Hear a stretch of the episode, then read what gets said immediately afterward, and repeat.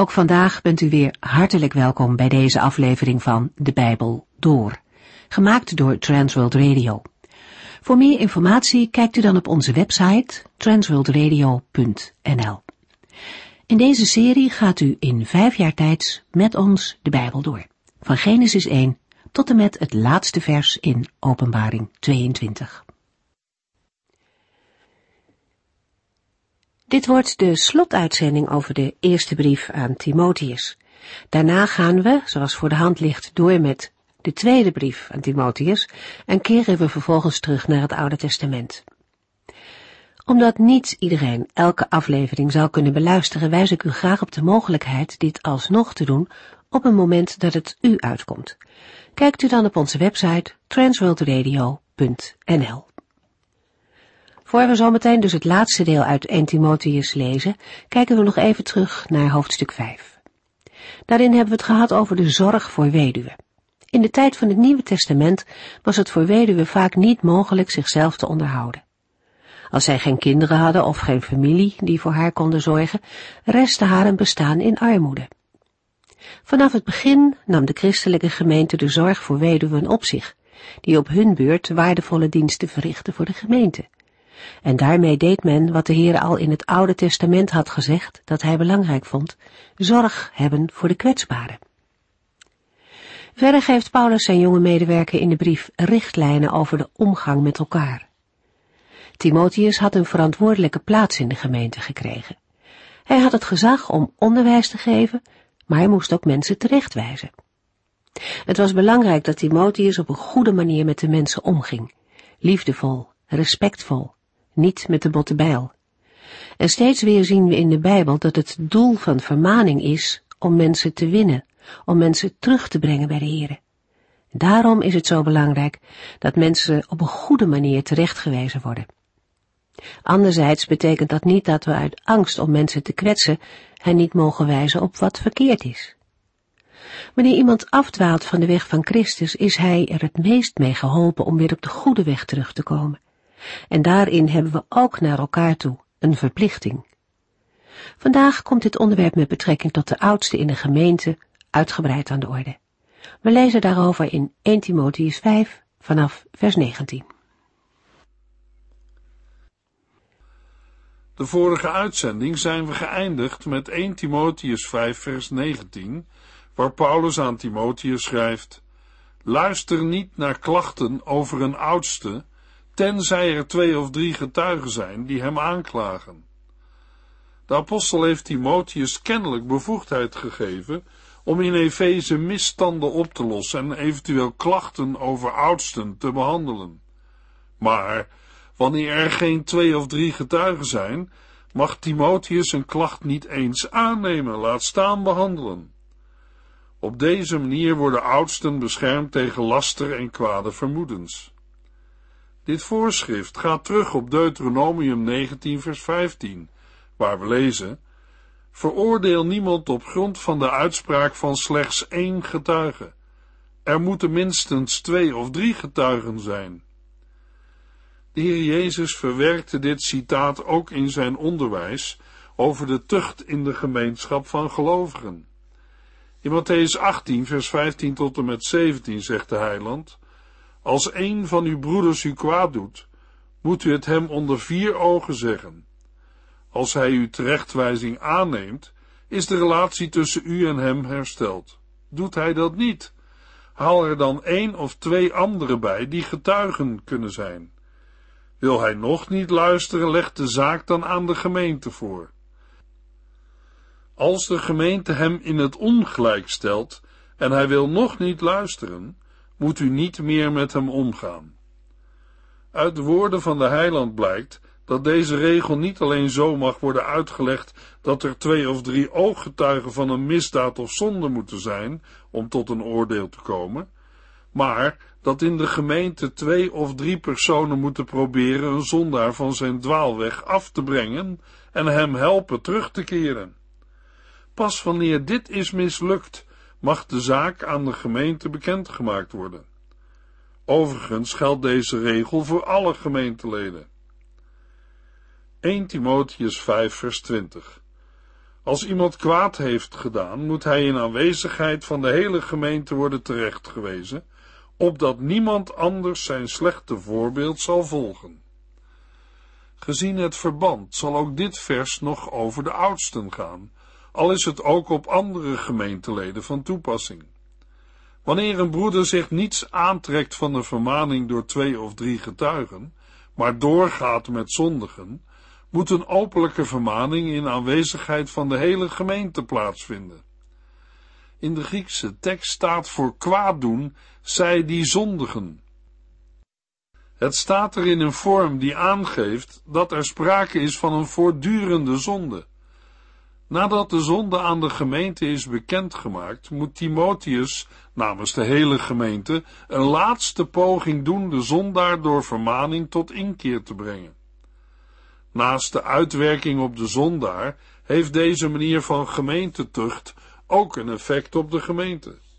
Zij gaan ten volle beseffen dat zij geroepen zijn tot een heilig leven en dat zonde en kwaad doen niet kan worden getolereerd. 1 Timotheus 5 vers 21 In tegenwoordigheid van God, de Heer Jezus Christus en de heilige engelen, draag ik je op dit bevel uit te voeren, onbevooroordeeld en zonder aanzien des persoons. Net als in 2 Timotheus 4 bekrachtigt Paulus zijn opdracht aan Timotheus met een beroep op het oordeel van God. Timotheus zal aan Jezus Christus verantwoording moeten afleggen of en hoe hij deze bevelen heeft uitgevoerd. In tegenwoordigheid van God, de Heer Jezus Christus en de heilige engelen, heeft betrekking op het staan voor Gods rechterstoel, voor het aangezicht van God en Christus. Jezus Christus is degene die namens God het oordeel velt. Daarbij hebben de engelen de levenden en doden voor Gods troon verzameld en voeren het vonnis uit. De engelen worden heilige engelen genoemd. Daarbij gaat het om een tegenstelling met de gevallen engelen en engelen van Satan. Timotheus mag zich niet laten leiden door vooroordelen, waardoor hij een klacht zou aannemen zonder getuigen.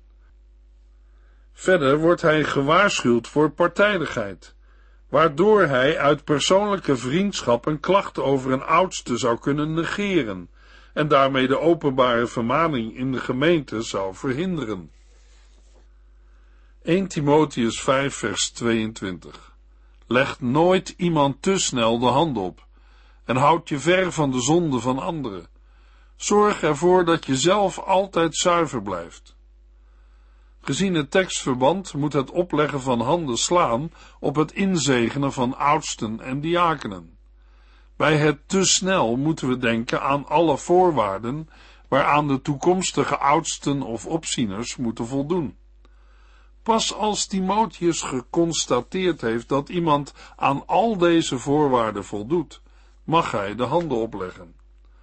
Ook kunnen we een verband leggen met vers 24 en 25 want van sommigen worden de zonden pas na enige tijd of pas op de dag van het grote oordeel openbaar. Daarom zegt Paulus tegen Timotheus, leg nooit iemand te snel de handen op. Met de woorden, houd je ver van de zonden van anderen, zorg ervoor dat je zelf altijd zuiver blijft, wordt de tweede helft van het vers verbonden met het inzegenen. Wanneer Timotheus iemand tot oudste inzegent die in zonde leeft, wordt hij zelf mede verantwoordelijk gesteld voor die zonde. De hier besproken beperking van het opleggen van handen geldt alleen voor het aanstellen van iemand in een speciale bediening, en niet voor andere gelegenheden waarbij handen werden opgelegd, bijvoorbeeld voor genezing en de vervulling met de Heilige Geest. 1 Timotheus 5 vers 23 je moet trouwens niet alleen water drinken, maar ook af en toe wat wijn. Dat is goed voor je maag, omdat je zo vaak ziek bent. In vers 23 komt Paulus tot een opmerking over het gebruik van wijn als medicijn. De dwaalleraars zullen waarschijnlijk ieder gebruik van wijn hebben afgewezen. In sommige situaties was ook Paulus van mening dat het beter was geen wijn te drinken, wanneer hij daarmee aanstoot zou geven aan gelovigen met een Joodse achtergrond en hun instelling van onthouding niet zou respecteren. Maar dat deed de apostel op basis van vrijwilligheid, niet uit onderworpenheid aan wetten of voorschriften van mensen. Toen de gezondheid van Timotheus daar aanleiding toe gaf, aarzelde hij niet wijn als medicijn of preventiemiddel voor te schrijven. Waarschijnlijk was de slechte kwaliteit van het drinkwater in Efeze, vervuild en vol met bacteriën, de oorzaak van de voortdurende maagklachten van Timotheus. Daarom raadt Paulus hem aan de oorzaak weg te nemen en niet alleen water te drinken, maar ook af en toe wat wijn. Op het gevaar van veel wijn is al gewezen in 1 Timotheus 3. 1 Timotheus 5 vers 24 Sommige mensen leiden zo openlijk een zondig leven dat het voor iedereen duidelijk is. Daardoor vallen zij onder het oordeel. Maar bij anderen zal de vreselijke waarheid pas op de dag van het grote oordeel aan het licht komen. Bij sommige mensen zijn de zonden van tevoren duidelijk, zodat nu al bekend is dat ze bij het gericht daarvoor zullen worden veroordeeld. Verder is bij de openlijke zonde, aan het begin van vers 24, niet helemaal zeker of met oordeel het gericht van God wordt bedoeld, of het besluit van Timotheus om iemand niet als oudste aan te stellen. In het tweede geval blijft de opdracht aan Timotheus van kracht dat hij de tijd moet nemen voordat hij iemand tot oudste inzegent. Het is niet de bedoeling dat hij verrast wordt door zonden die later aan het licht komen. In het eerste geval wil Paulus Timotheus troosten met het oog op fouten die hij kan maken bij tuchtzaken of het aanstellen van oudsten. Het is namelijk niet altijd mogelijk om op grond van iemands gedrag en werken te beoordelen of iemand goed of verkeerd is. Maar bij het laatste oordeel zal alles aan het licht komen en door de Heere zelf worden rechtgezet. Bij al deze dingen zullen we de waarheid van 1 Corinthians 11 vers 32 niet moeten vergeten. Maar als Hij, de Heere, ons bestraft, doet Hij dat om ons op de goede weg te leiden. Anders zouden wij met de wereld worden veroordeeld. 1 Timotheus 5 vers 25 Zo is het ook met de goede werken. Sommige zijn direct bekend, maar andere worden pas later zichtbaar. Vers 24 en 25 horen bij elkaar. Vers 24 spreekt over de zonden, vers 25 over de goede werken. Dikwijls zijn de goede werken van iemand direct zichtbaar, maar er gebeuren ook vele goede daden in het verborgene. Als het oordeel in vers 24 het besluit van Timotheus is, dan schrijft Paulus in vers 25 dat na enige tijd ook deze verborgen goede daden Timotheus ter oren zullen komen. Maar op grond van de eenheid van vers 24 en 25 en het gegeven dat ook in Openbaring 14 gesproken wordt over het oordeel van God en over de werken van de heiligen die hen navolgen, moeten we hier concluderen dat Paulus spreekt over het openbaar worden bij het laatste oordeel van verborgen gebleven goede werken. 1 Timotheus 6 vers 1 en 2 Gelovige slaven moeten hard werken voor hun eigenaars en respect voor hen hebben. Anders zouden de naam van God en de leer schade kunnen lijden. Als de slaveneigenaar een christen is, mag dat voor de slaven geen excuus zijn om het wat kalmer aan te doen. Nee, zij moeten eerder nog meer hun best doen, omdat een broeder in het geloof door hun inspanningen wordt geholpen. Prent de mensen deze waarheid in, Timotheus, en moedig iedereen aan ernaar te leven.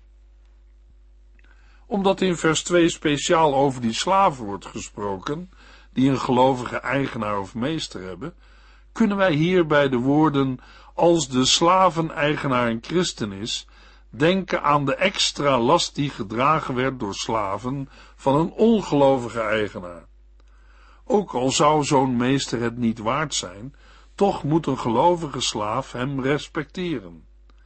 Niet de felbegeerde vrijheid, maar het dienen van de Heere in de situatie waarin iemand geroepen is, moet het doel van een gelovige zijn. Wanneer een gelovige slaaf zijn meester ongehoorzaam zou zijn of zou bedriegen, zou dat tot gevolg hebben dat de naam van God en de leer schade kunnen lijden. Men zou zelfs aanleiding kunnen vinden om de gemeente te vervolgen, in de mening dat er een opruiende leer werd onderwezen, waarbij aan slaven de vrijheid werd voorgespiegeld. Overgezet in onze maatschappelijke situatie, waarin officieel geen slaven zijn, kunnen deze woorden ook gaan over de verhoudingen tussen werkgevers en werknemers. 1 Timotheus 6 vers 3 tot en met 5 Misschien gaan sommigen er tegenin, maar vergeet niet dat dit het zuivere, gezonde onderwijs van onze Heer Jezus Christus is. Het is het fundament voor een leven dat Gods goedkeuring heeft. Wie iets anders beweert, is verwaand en dom. Die heeft de ziekelijke neiging te willen bekvechten over de betekenis van de woorden van Christus. De gevolgen daarvan zijn jaloezie en ruzie, beledigingen en verdachtmakingen. Deze ruziezoekers hebben een zieke geest.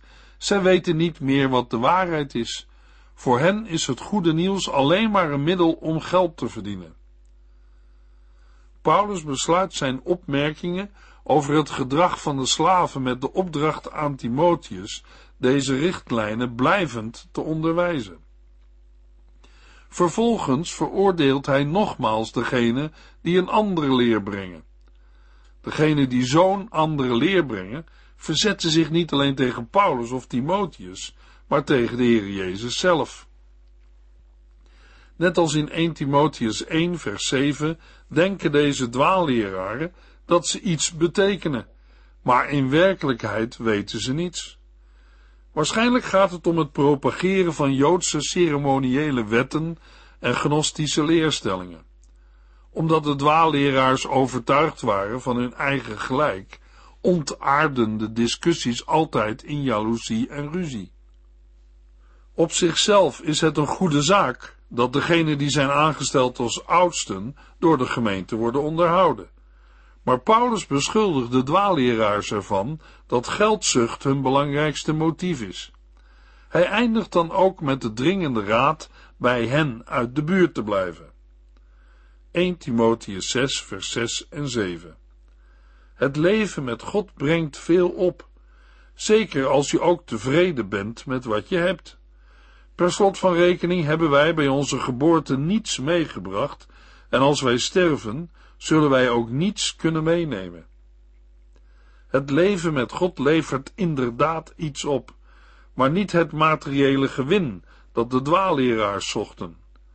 Aan het leven in overgave en gehoorzaamheid aan de Heere is een belofte verbonden, dat God voor de gelovigen zal zorgen. In Matthäus 6 vers 33 zegt de Heer Jezus, Geef het koninkrijk van God en het doen van zijn wil de hoogste plaats in uw leven. Al het andere zal u dan geschonken worden. Al het andere betekent een goed bestaan hebben. Dat wordt door de Heere geschonken zoals verwoord in 2 Korintiërs 9 vers 8, maar wel in bescheidenheid, soberheid en tevredenheid.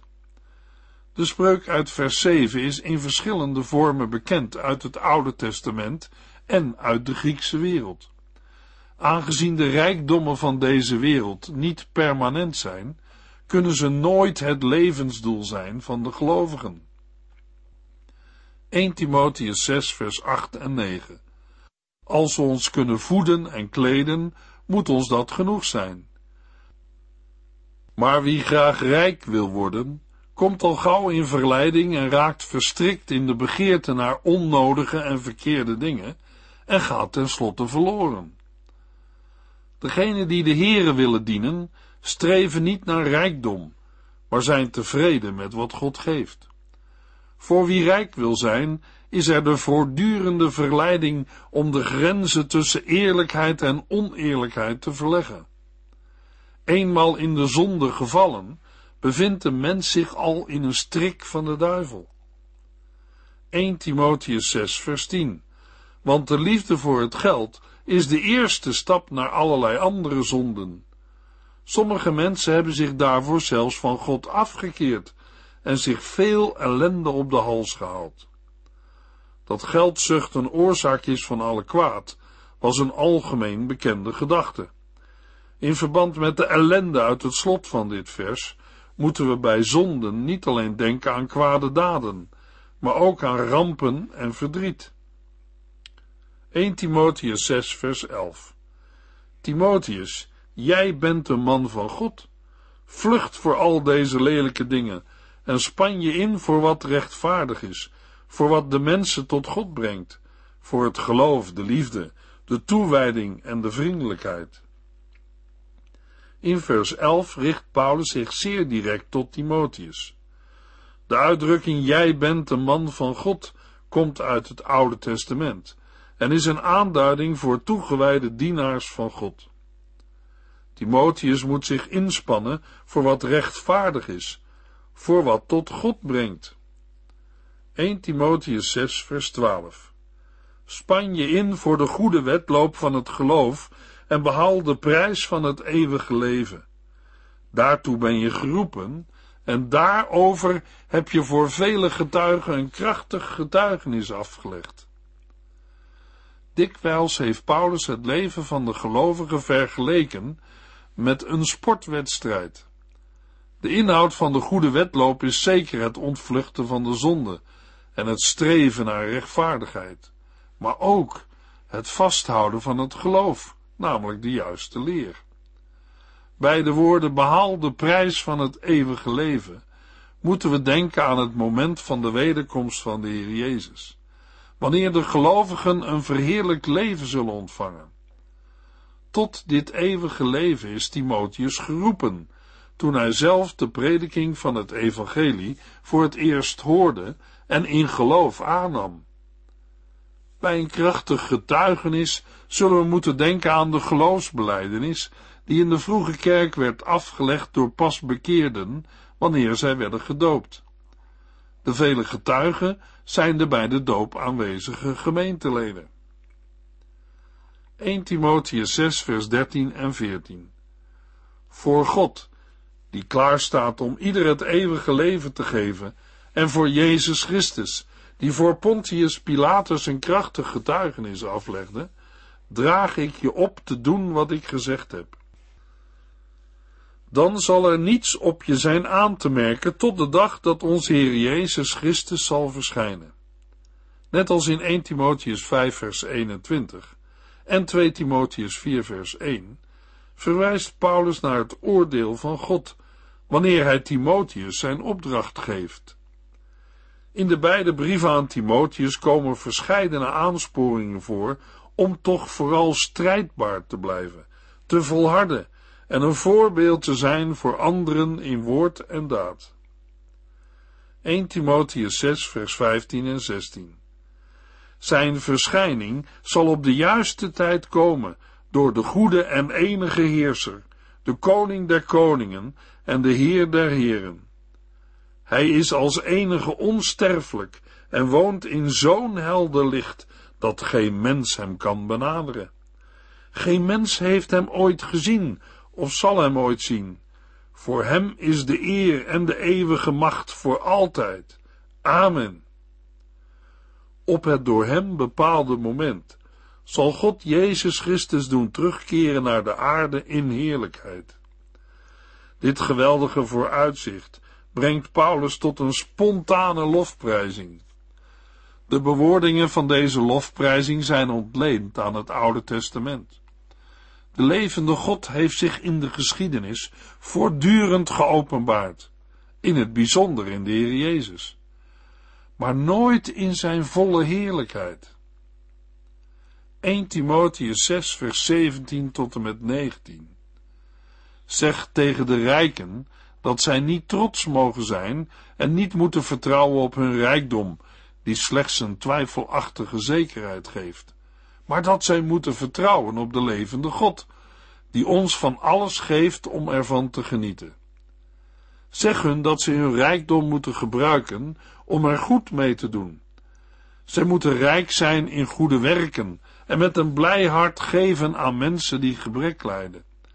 Ze moeten altijd klaarstaan om alles wat God hun heeft gegeven met anderen te delen. Door dat te doen, zullen zij voor zichzelf een echte schat voor de toekomst verzekeren, om daarmee het ware leven te verwerven. Het gevaar om hoogmoedig te worden en te vertrouwen op het eigen bezit is levensgroot. Zodra een mens zich niet meer afhankelijk weet van God, is er het risico dat hij hem zal vergeten. Het eeuwige leven wordt verkregen door het geloof, maar dit geloof moet wel gepaard gaan met goede werken. 1 Timotheus 6 vers 20 en 21 Timotheus, schiet niet tekort in wat God je heeft toevertrouwd. Laat je niet verleiden tot dwaze discussies met mensen die over hun kennis opscheppen en daarmee bewijzen dat ze geen kennis hebben. Sommigen van hen missen het belangrijkste in het leven. Zij kennen God niet werkelijk. Ik bid dat God jullie zijn genade zal geven. Timotheus moet de discussies met de dwaalleraars uit de weg gaan. Zij beweerden een hogere kennis te hebben, maar ondertussen hadden zij het ware geloof verloren. Het woordje jullie geeft aan dat 1 Timotheus 1 bedoeld was om voorgelezen te worden in de gemeente. In een aantal oude handschriften eindigt de brief met het Hebreeuwse woordje amen. Ja, ik bevestig. Het is tegelijk de afsluiting en de bezegeling van deze brief. In de volgende uitzending lezen we 2 Timotheus 1, vers 1 tot en met 6. U heeft geluisterd naar De Bijbel Door, in het Nederlands vertaald en bewerkt door Transworld Radio. Een programma waarin we in vijf jaar tijd de hele Bijbel doorgaan. Als u wilt reageren op deze uitzending of u heeft vragen, dan kunt u contact met ons opnemen. Tijdens kantooruren kunt u bellen op 0342 47 8432 0342 47 8432. Ook kunt u een e-mail sturen naar de transworldradio.nl en natuurlijk kunt u ook via de post ons bereiken. TWR, postbus 371, postcode 3770, AJ in Barneveld. Dit programma werd gepresenteerd door Cor Weda en Ike André. Techniek was in handen van Odin van Voerkom. En wij allemaal bedanken u voor het luisteren. Graag tot de volgende keer.